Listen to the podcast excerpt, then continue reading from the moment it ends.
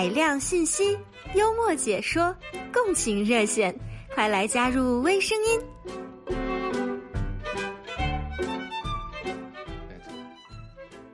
听众朋友，早上好，欢迎收听周四给您带来欢乐的微声音，我是谢欣。大家早上好，我是浩北。虽然我觉得前面还有一大堆话要说，但是我已经很期待浩斐要分享他去看病的时候遇到的问 题了哈。那今天周四的呃共情热线呢，跟大家聊的话题还要再说一下，因为跟我们之前其实提到的，正好这一周是心脏瓣膜疾病防治周，从二月二十六号到三月三号。那刚才这个数据挺吓人的，浩斐分享就有五百六十万人从来没有听说过，呃，但是有超过四分之一的人可能就有这个问题，哎，哎，就是因为大家可能更多的是说的是没有。缺乏对这个疾病的认识，还有有时候就是，尤其是来自于我们社区的问题，语言障碍、沟通不畅，没有办法表达，所以你无法了解到这个疾病，甚甚至不知道自己有这个问题，或者说怎么向去医生进行咨询或治疗。那今天我们的呃微声音当中的话题呢，就跟看病就医有关系了。哎，我们今天要跟大家来说的是，在看病就医时，您遇到过哪些语言障碍？嗯，就是在看病的过程当中呢，因为语言障碍，尤其是像我们一些年纪比较大的朋友哈、然后以前又不是学英语的，甚至是包括你自己学英语后来在这边，但是因为它的专业性很强。比如说刚才我们提到的，你要在普通用自己的母语，你跟一个你自己讲母语的朋友在一起说他非医学背景的，你说哦法洛氏四联症，他完全没有概念，这个到底是长哪儿的问题，哪儿的毛病，是吧？所以有时候我们去看病的时候就遇到这种你自己没法表达清楚，然后医生也很难来准确理解。嗯，那病人刚才我跟浩斐在说，其实网上一直有一个段子，就是看医医生的时候，就是去形容身上的痛。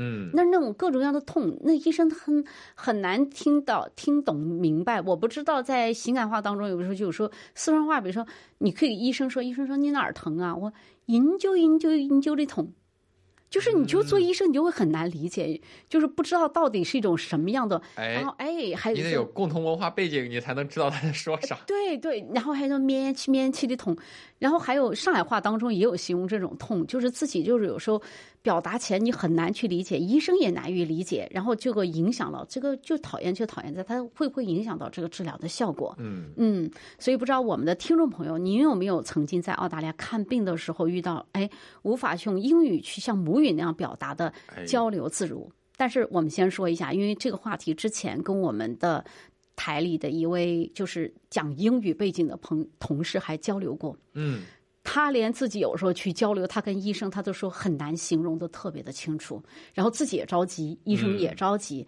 那大家可以拨打我们的共情热线一三零零七九九三二三一三零零七九九三二三，分享自己在澳大利亚看病的经历哈。哎，哎，自己病情当时怎么向医生去表达这个讲述，然后能不能讲明白？那医生能不能理解？后来有没有影响到您的治疗效果？所以热线电话号码依然是一三零零七九九三二三，一三零零七九九三二三，来欢迎拨打，分享您的经历和经验。嗯我们一边在等大家的热线，也准备了很多这个资讯跟大家分享。嗯，但在分享资讯之前呢，特别想听听浩斐，哎曾经这个你要，唠到这个话题，浩斐就可可有的讲了。哎呀，我要说洗耳恭听，我戴着耳机来听，嗯浩斐这个事情呢，可能是呃有好有不好。好的一点就是这个病真的比较小众，而且普通的情况下是不会得的。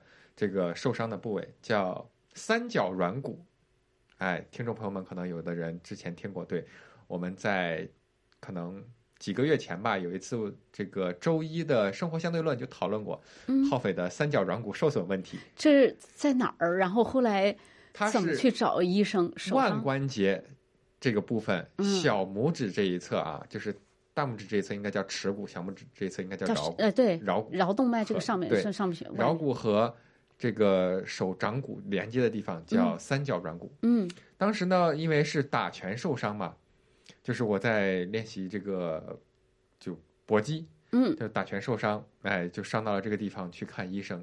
我现在还记得当时的这个 GP 给我推荐了一位叫 Gambling 的老医生，我都、嗯现在都记得他是 specialist 对不对？还是可嗯 specialist 的这个医生他有多 specialist 呢？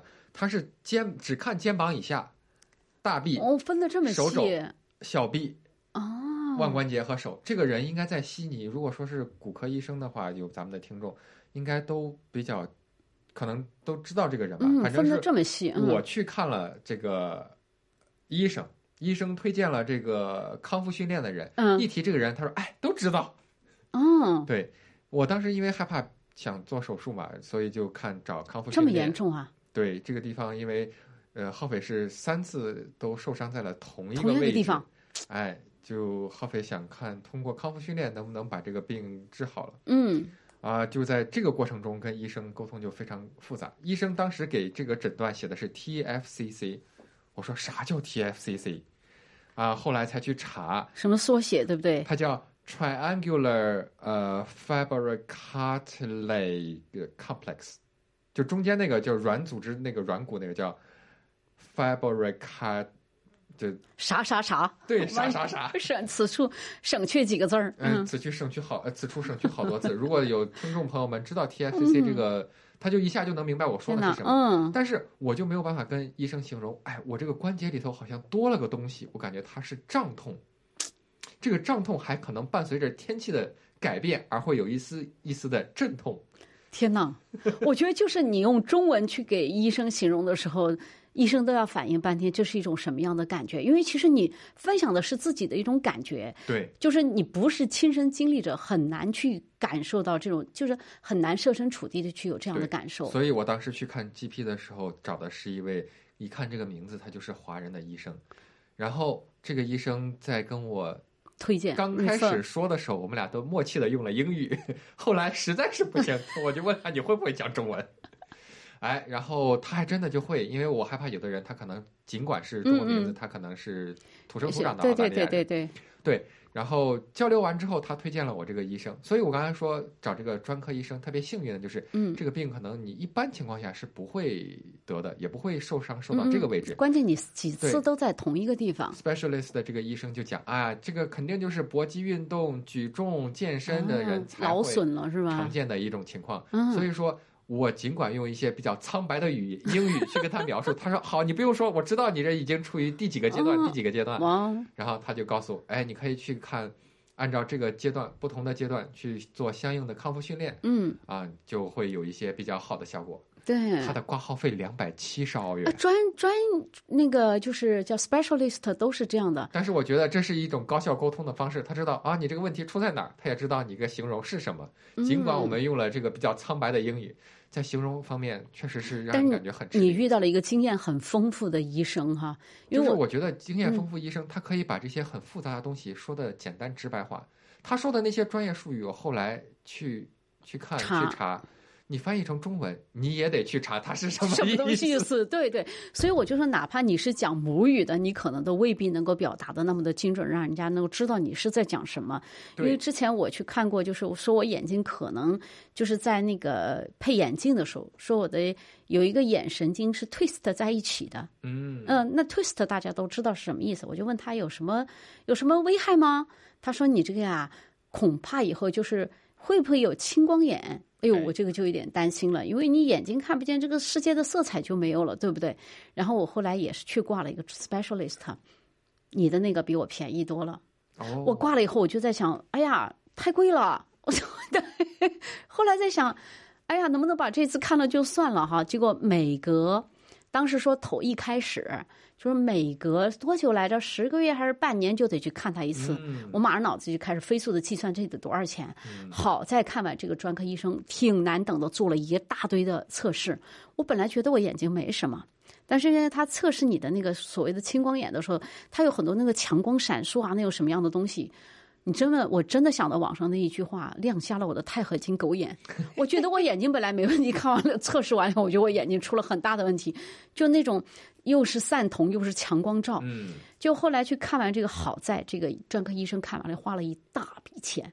看完了以后，他告诉我啊，你这个完全就是空白担，就是多的担心，也是因为他我也很难给他表述表述清楚，就是他问了一堆东西，其实我也不是很明白。啊，对，就是讲每当这种时候，他问你的时候就啊，你哎，说啥？，你在说什么？然后他给你很热心的，哎，你等一下，我给你 Google Translate，Translate 的话、啊，这是啥？对，然后关键是你给他说的，然后你自己嗯嗯半天也不知道怎么给他来表述。对，还好好在，因为你那个不知道拍，应该是拍了片儿给他看的哎，吧？是的，我那个也是眼睛有拍片儿，所以多么感谢这种影像医学，就是看不懂，就是看图说话嘛。看图说话，医生就会一看，哎，好了，TFCC，他就露出了非常自信的笑容。嗯哎，小伙子，你这个问题不严重。呃，在我的这个能力的范围之内就可以给你搞定了，哎对不对？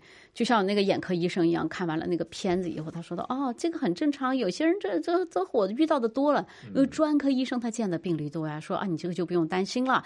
然后后面几次呢，你可以来看，你如果觉得担心你来，如果你不担心，你也可以不来。我马上就试一下，就肯定就不来了。如对对对。释重负。哎对对对，所以在这儿跟大家分享的，其实 CSRO 我们叫澳大利亚联邦科学与工业研究组织，他们前几年就开发过一个 App，一个程序，叫做 The Cloud Assist，它就是可以帮你去翻译，但是就是帮你去给医生描述你的那个症状。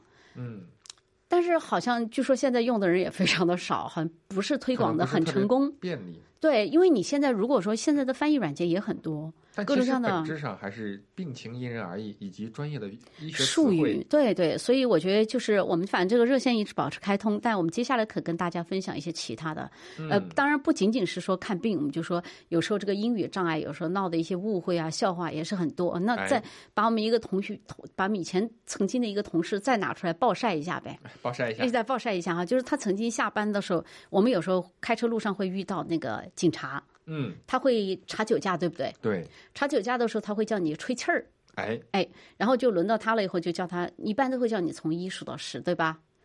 一般叫 count ten to one to ten，然后他就有两个人，两个同事，一个就是 one ten one ten，这还是特实诚，叫你数一到十，一和十，一到十，他就只数一和十，然后还有一个呢就抢答了，学会，就是说，因为说叫你就 count one to ten，他就停成 count down。他就从十开始倒数，ten nine eight，那个警察自己后来都笑场了。哎，就就有时候遇到这种讲讲这种就是语语语言的这种，其实不是障碍，有时候在有一些特定环境下，可能你会容易紧张，对，就词不达意。还是没有作为一种母语的，就是完全不用去注意他听，就是他就可以自己的进走进你的耳朵。对，尤其是像我们的父母辈，他们要么有着就是没有这个曾经没有学过英语，没有这个基础，然后有有的是来探亲来玩儿，哎，也会遇到。就很多年前，我父母也来过，来澳洲的时候，他们就喜欢出去走。我爸是一个特别闲不住，他觉得澳洲的环境特别好，每天出去走。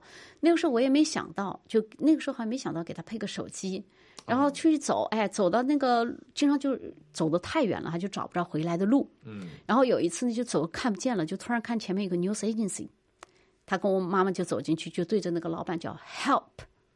help，、啊。老板第一反应就赶快把卷帘门放下来了，叫他们你不要慌张。但是他们看肢体语言懂了，就是你不要慌，有我在，你不要慌，有我在。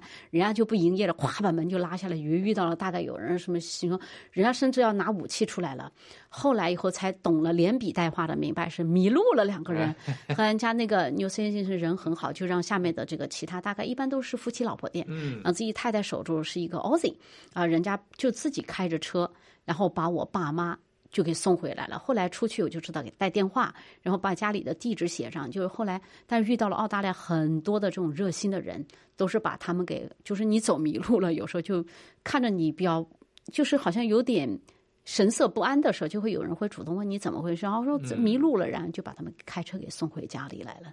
所以这也是因为这 help 不，他们仅有的那几个以前就是学的那个英语单词的词汇量，就是他觉得是求救搞定了这个事情。啊，不叫的挺不容易嗯 help 嘛，但是人家去理的是求救，对不对？因为 help 更多的是就是在那种情况下会理解是求救。我现在不知道，我们现线上导播有有位这个听众朋友在线上，我不知道是接进来了还是没有接进哈，我们再等他一点时间哈，他们好像还在交流。